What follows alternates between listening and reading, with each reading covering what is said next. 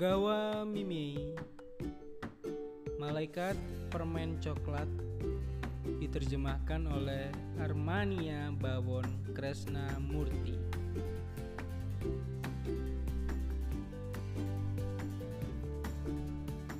Di bawah langit biru yang indah berdiri sebuah pabrik yang beberapa cerobong asapnya mengepulkan asap hitam. Pabrik itu memproduksi permen coklat. Permen coklat yang diproduksi pabrik tersebut dikemas kotak kecil dan dijual ke berbagai dusun, desa, dan beberapa kota besar. Pada suatu hari, tampak sebuah truk mengangkut bertumpuk-tumpuk kotak permen coklat. Kotak-kotak permen coklat itu bergoyang-goyang di atas truk.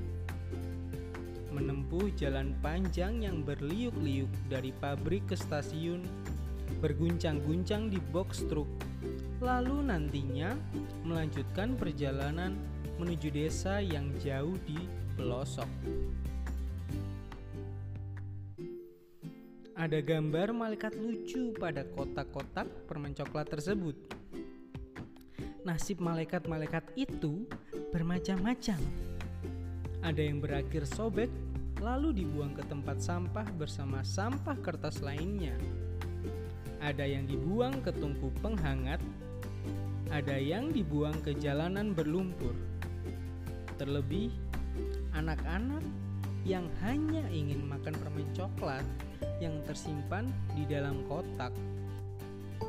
Setelahnya, mereka tidak peduli dengan kotak kosongnya. Jika sudah begini, bisa jadi ada malaikat yang terbuang ke jalanan berlumpur lalu terlindas gerobak berat. Karena mereka malaikat, walaupun terobek, terbakar, bahkan terlindas, mereka tidak akan berdarah ataupun merasa sakit. Meski begitu, malaikat tak dapat terhindar dari perasaan senang, juga perasaan sedih selama berada di bumi sebelum jiwa mereka melayang jauh ke langit biru. Kini saat menempuh perjalanan panjang yang berliuk-liuk dari pabrik menuju stasiun. Sesosok malaikat bergumam pelan sembari menatap langit biru, pohonan, dan bangunan-bangunan yang ada di depan matanya. Bangunan itu, bangunan yang mengeluarkan asap hitam itu. Itu kan pabrik tempat permen coklat dibuat. Bukankah itu pemandangan yang sungguh indah? Aku bisa melihat laut di kejauhan. Aku juga bisa melihat kota yang ramai di sana kalau memang harus pergi, sebenarnya aku ingin ke kota itu saja. Di sana pasti ada banyak yang menarik dan lucu. Sekarang aku malah dibawa menuju stasiun. Setelah itu, aku akan diangkut ke kereta api, lalu dibawa ke tempat yang jauh. Kalau sudah begitu, hilang sudah kesempatanku untuk bisa kembali ke kota tersebut atau melihat pemandangan itu lagi. Sang malaikat sedih karena akan terpisah dari kota yang ramai tersebut, lalu pergi jauh tanpa tahu hendak ke mana. Namun, ia pun tidak bisa memungkiri adanya rasa penasaran tentang tempat yang sedang ia tuju.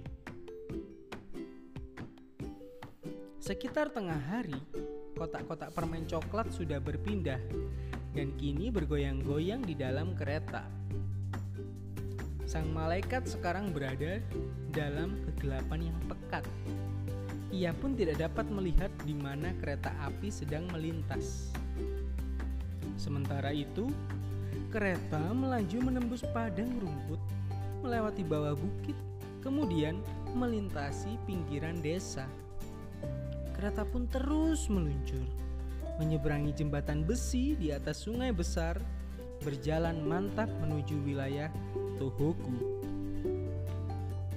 Ketika hari bertemu senja, kereta akhirnya tiba di stasiun kecil Nansen.